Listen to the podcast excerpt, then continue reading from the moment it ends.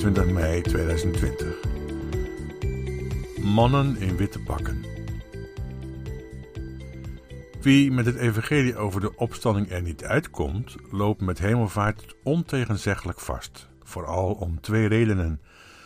Men zou wellicht kunnen denken, Pasen en Pinksteren, dat zijn nog van oorsprong Joodse feesten en kerst. Ach, dat heeft nog in de verte iets te maken met het Joodse lichtjesfeest, maar hemelvaart, ja, dat is een feest dat alleen de christelijke kerk kent. Daarin zijn wij als christenen dus helemaal losgezongen van het Jodendom. Een dodelijk ideaal lijkt me dat. Maar ook om een tweede reden loop je met hemelvaart dan snel tegen de muur of tegen de lamp. In de jaren tachtig was er een hele discussie in de kerk onder de titel Waarlijk opgestaan. Is Jezus na drie dagen weer levend geworden? Weer, zodat alles weer was zoals het was, dus het leed geleden, gelukkig maar. Of is dat niet het geval? Krijgen we in de mededelingen van de evangelisten over het opwekken van de Heer een beeld te zien, een, een afbeelding van het komende Messiaanse Rijk? Hoe zit dat met die opstanding? Hij was wel dezelfde, maar niet hetzelfde. Zo heeft iemand dat een keer gezegd en dat is duidelijke taal, vind ik. Toch zijn er nog steeds mensen die erbij blijven dat Jezus na drie dagen weer levend werd en uit het graf opstond. Hetzelfde gebleven dus, dat hij weer zou zijn opgestaan. Het evangelie, allemaal zijn ze echt veel en veel voorzichtiger, ook in de gekozen bewoordingen. Ze hebben het over opgewekt worden dus opstaan, dat is namelijk iets dat je uit eigen kracht doet. je staat op. Maar opgewekt worden, dat is iets dat over jou geschiet. Wie ervan uitgaat dat Jezus weer levend werd, komt met hemelvaart toch echt in de problemen terecht. Is Pasen dan al te wonderlijk om te bedenken? Hemelvaart wordt dan wel haast een onmogelijkheid qua voorstellingsvermogen. Een weer levend geworden lichaam dat enige massa bezit, kan namelijk in principe wel van de aarde opstijgen, hè, wie weet, maar kan niet een enorme snelheid aannemen. Althans, niet de snelheid van het licht. Maar laten we eens gek doen en stellen dat dat wel zou kunnen. Dan nog, zelfs met de snelheid van het licht, ben je in 2000 jaar nog niet heel ver gekomen in dit heelal.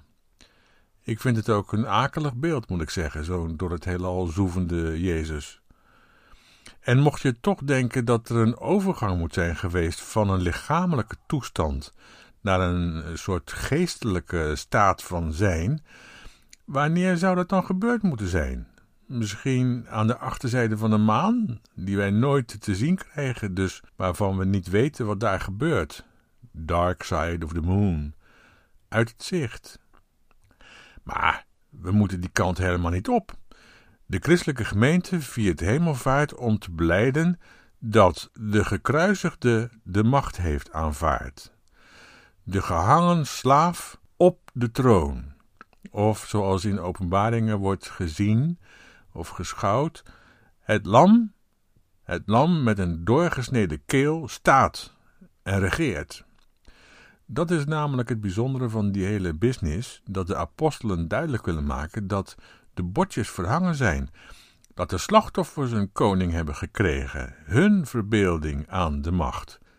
Daarom doen de evangelisten zo hun best om te zeggen: de opgestaande Heer was wel dezelfde, hij, hij was nog steeds die Joodse rabbi die door de Romeinen als een slaaf werd opgehangen. Het was en is en zal zijn de gekruisigde die niet dood is, maar niet hetzelfde, niet een weer levend geworden lichaam. In dat kader heb ik me afgevraagd waar komen die twee mannen in witte pakken bij alles wat Lucas vertelt toch vandaan? Wat wil hij daarmee? Want dat valt me op dat Lucas op een aantal plaatsen schrijft over twee mannen. Twee mannen in witte pakken. Twee mannen in stralende kleding. Andres duo. Wat wil Lucas met die lieden? De twee mannen van Lucas komen voor het eerst te sprake in Lucas 9, een heel eigenaardig verhaal waarbij Jezus communiceert met Mozes en Elia, een soort briefing bovenop de berg, alsof ze een, een strijdplan bespreken. Hoe moet dat met Jeruzalem, de stad van God?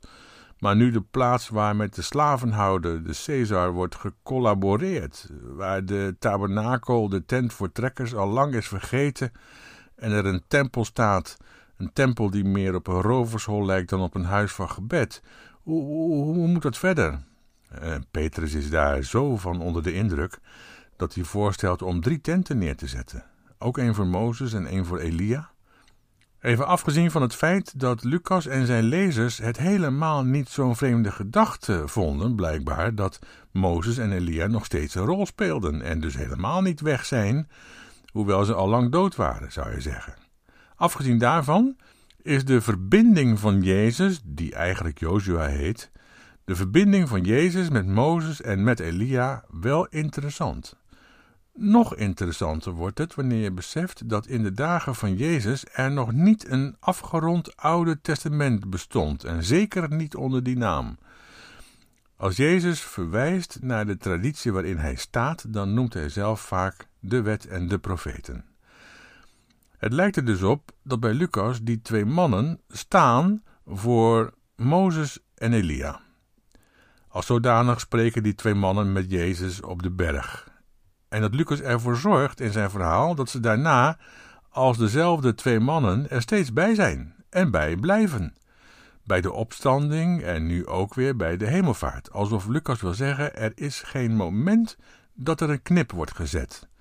De opgestane is voortdurend verbonden met Mozes en Elia. Paulus schrijft in zijn brief aan de Romeinen dat de wet en de profeten getuigen van het openbaar worden van de gerechtigheid Gods.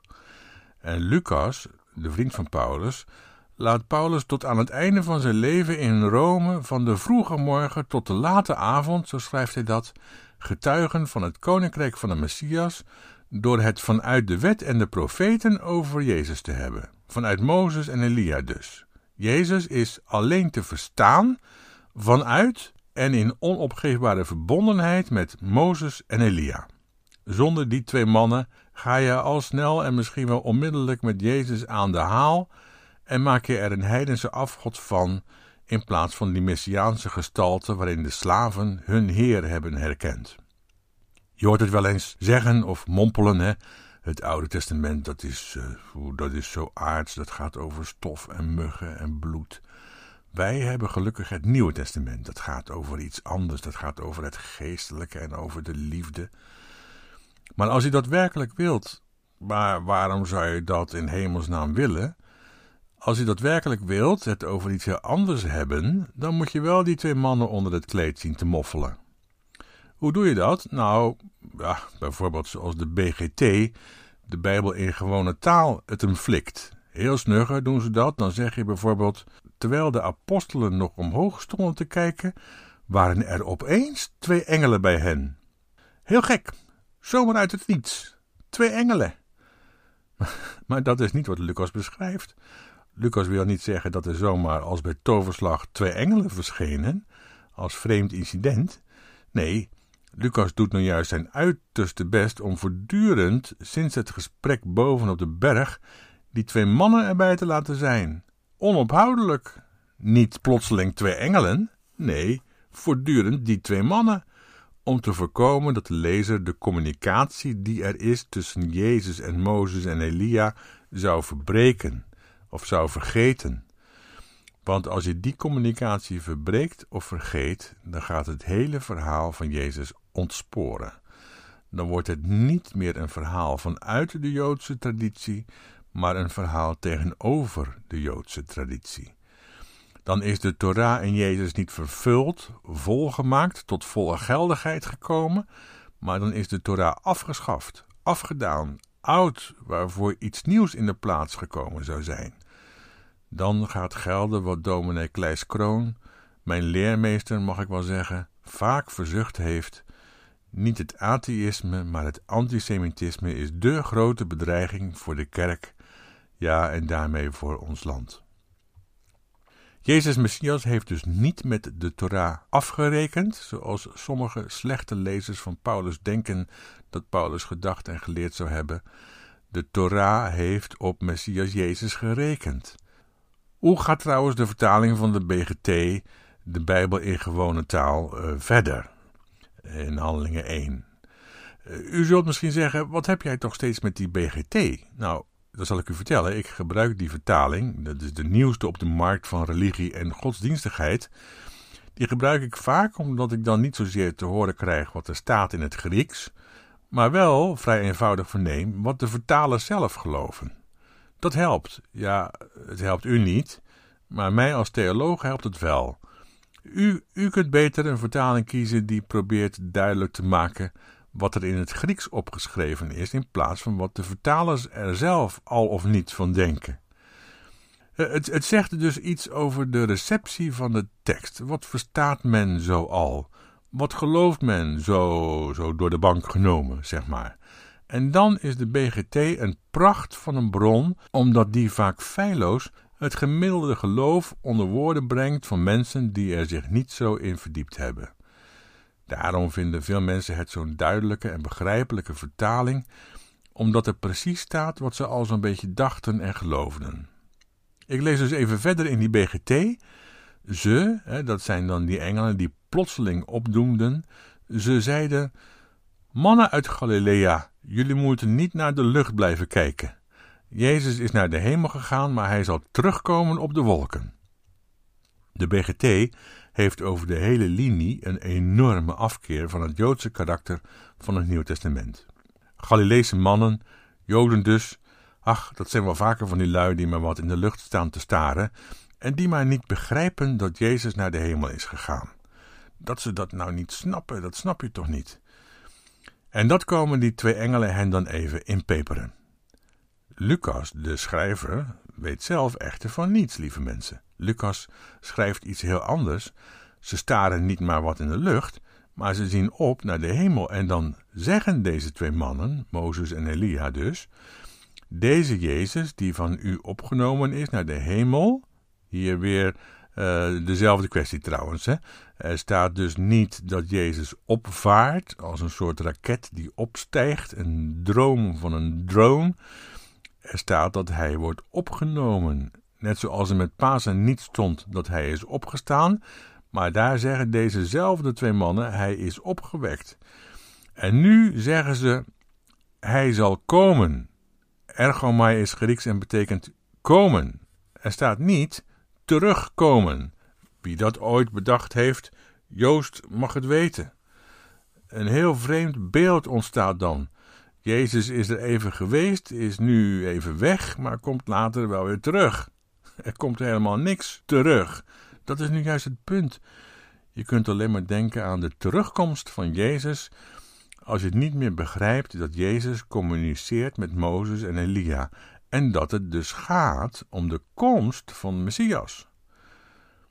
Deze Jezus zal komen hoe?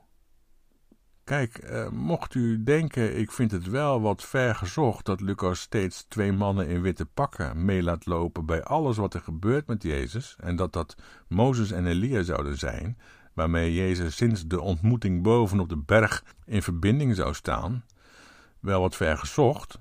Nou, dan wil ik u nu meenemen naar een ander aspect in de beschrijving van Lucas. Heel wonderlijk.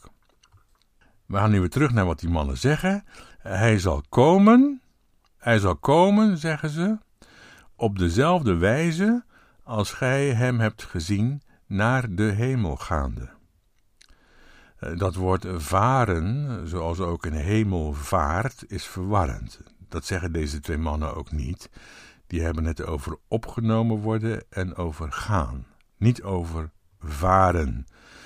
Het woord varen doet veel te veel denken aan ruimtevaart. En daar moet je dus helemaal niet aan denken. Waar moet je dan aan denken? Nou ja, het is niet zo moeilijk. Uh, Mozes en Elia zeggen: Hij zal komen op dezelfde wijze als je hem hebt zien opgenomen worden en zien gaan. Hoe hebben ze hem dan opgenomen zien worden? Wel, dan moet je niet te veel je fantasie de vrije loop laten, maar dan kun je het beste gewoon in de tekst zelf kijken. Daar is die wolk. Jezus werd opgenomen in een wolk. Zo staat het er. Een wolk. Hoe? In een wolk. Laten we, laten we nog eens teruggaan naar dat gesprek dat Jezus had met Mozes en Elia. Dat is Lucas 9, vers 35. Ook daar is plotseling een wolk. Een nevele in het Grieks. En daar, ook op de berg, net als hier in Handelingen 1, daar klinkt er een stem. Een stem uit die wolk. En die stem zegt: Deze is mijn zoon. Deze is mijn zoon. Naar hem moet je luisteren. Ja, alles goed en wel. Maar er zitten drie gestalten in die wolk op de berg: Mozes, Elia en Jezus. Welke van de drie wordt dan bedoeld? Het antwoord is even eenvoudig als verrassend: die drie tezamen worden bedoeld: Mozes, Elia en Jezus.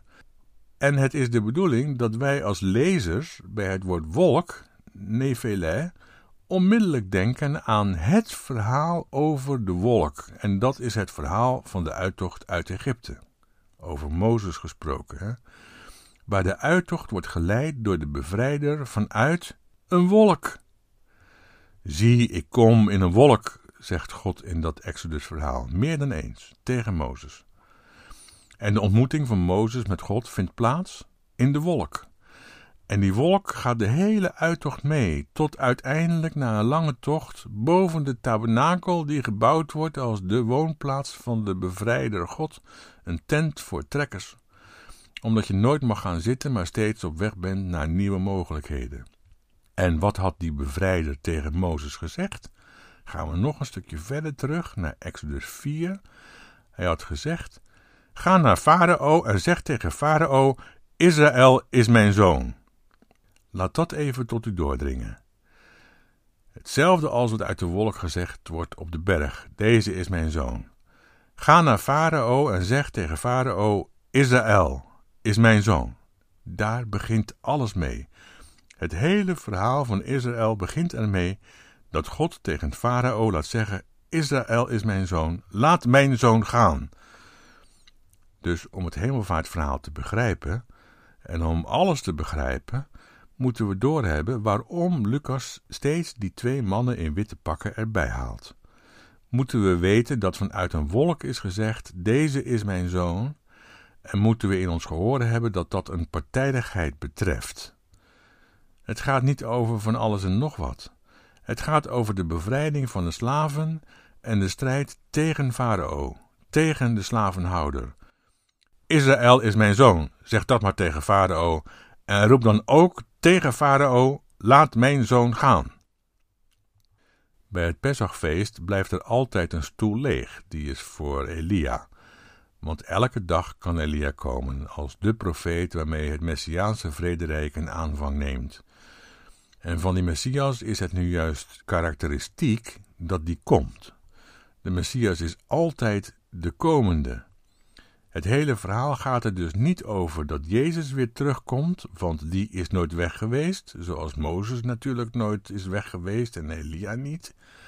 Bovenop de berg zijn ze er toch? Alleen heeft het geen zin om er tenten voor neer te zetten, zoals Petrus wil. Maar het gaat er dus om dat de Messias komt, in precies dezelfde wolk als waarmee de Heer de slaven uit Egypte heeft bevrijd. Die wolk. Dat maakt hemelvaart tot een heel ander feest dan een christelijk spektakelverhaal. Het is van voor tot achter Joodse hoop en verwachting. Hoop op en verwachting van het komen van de Messias. En die hoop zal op een gegeven moment als het ware de spuigaten uitlopen en dat is dan ook weer een Joods feest, het wekenfeest, vijftig dagen na Pesach. Daar hebben we het volgende week dan over, want ook daarover heeft Lucas zo het een en ander te melden. En dat wat hij te melden heeft, is vele, vele malen Joodser dan de BGT waar wil hebben. Het is, tot slot, het is een raadsel en een wonder hoe de enige niet-Joodse schrijver van het hele Nieuwe Testament zo ongelooflijk zorgvuldig het hele leven en sterven van Jezus inpast in de geschiedenis van het slavenvolk. En wie het daarvan losmaakt, die maakt het stuk en heeft daarmee dus de hele compositie volstrekt verwoest. En dan krijg je geen nieuw lied, maar een oppervlakkig herhalen van een soort van het oude liedje, waar alle hoop op een stille revolutie die van de liefde en van de vrede uit is weggezongen en gehanden klapt. Luchtfietserij wordt het dan. de aarde opgeven en prijsgeven aan de machten en ondertussen wachten op, op de terugkomst van Jezus, die, ja, wat dan? Als het niet meer gaat om het heil voor deze wereld, waarom zou hij dan terug moeten komen? Om een select gezelschap van christenen op te halen en mee te nemen omhoog naar een veilig heenkomen ergens ver weg, weg van de aarde. Nou, mooi verlangen hoor, maar niet heus. Zou het daar allemaal om begonnen zijn toen God tegen Farao liet roepen: Israël is mijn zoon, laat mijn zoon gaan. Dat gaat u niet geloven, hoop ik. Bedankt voor het luisteren. Tot volgende week.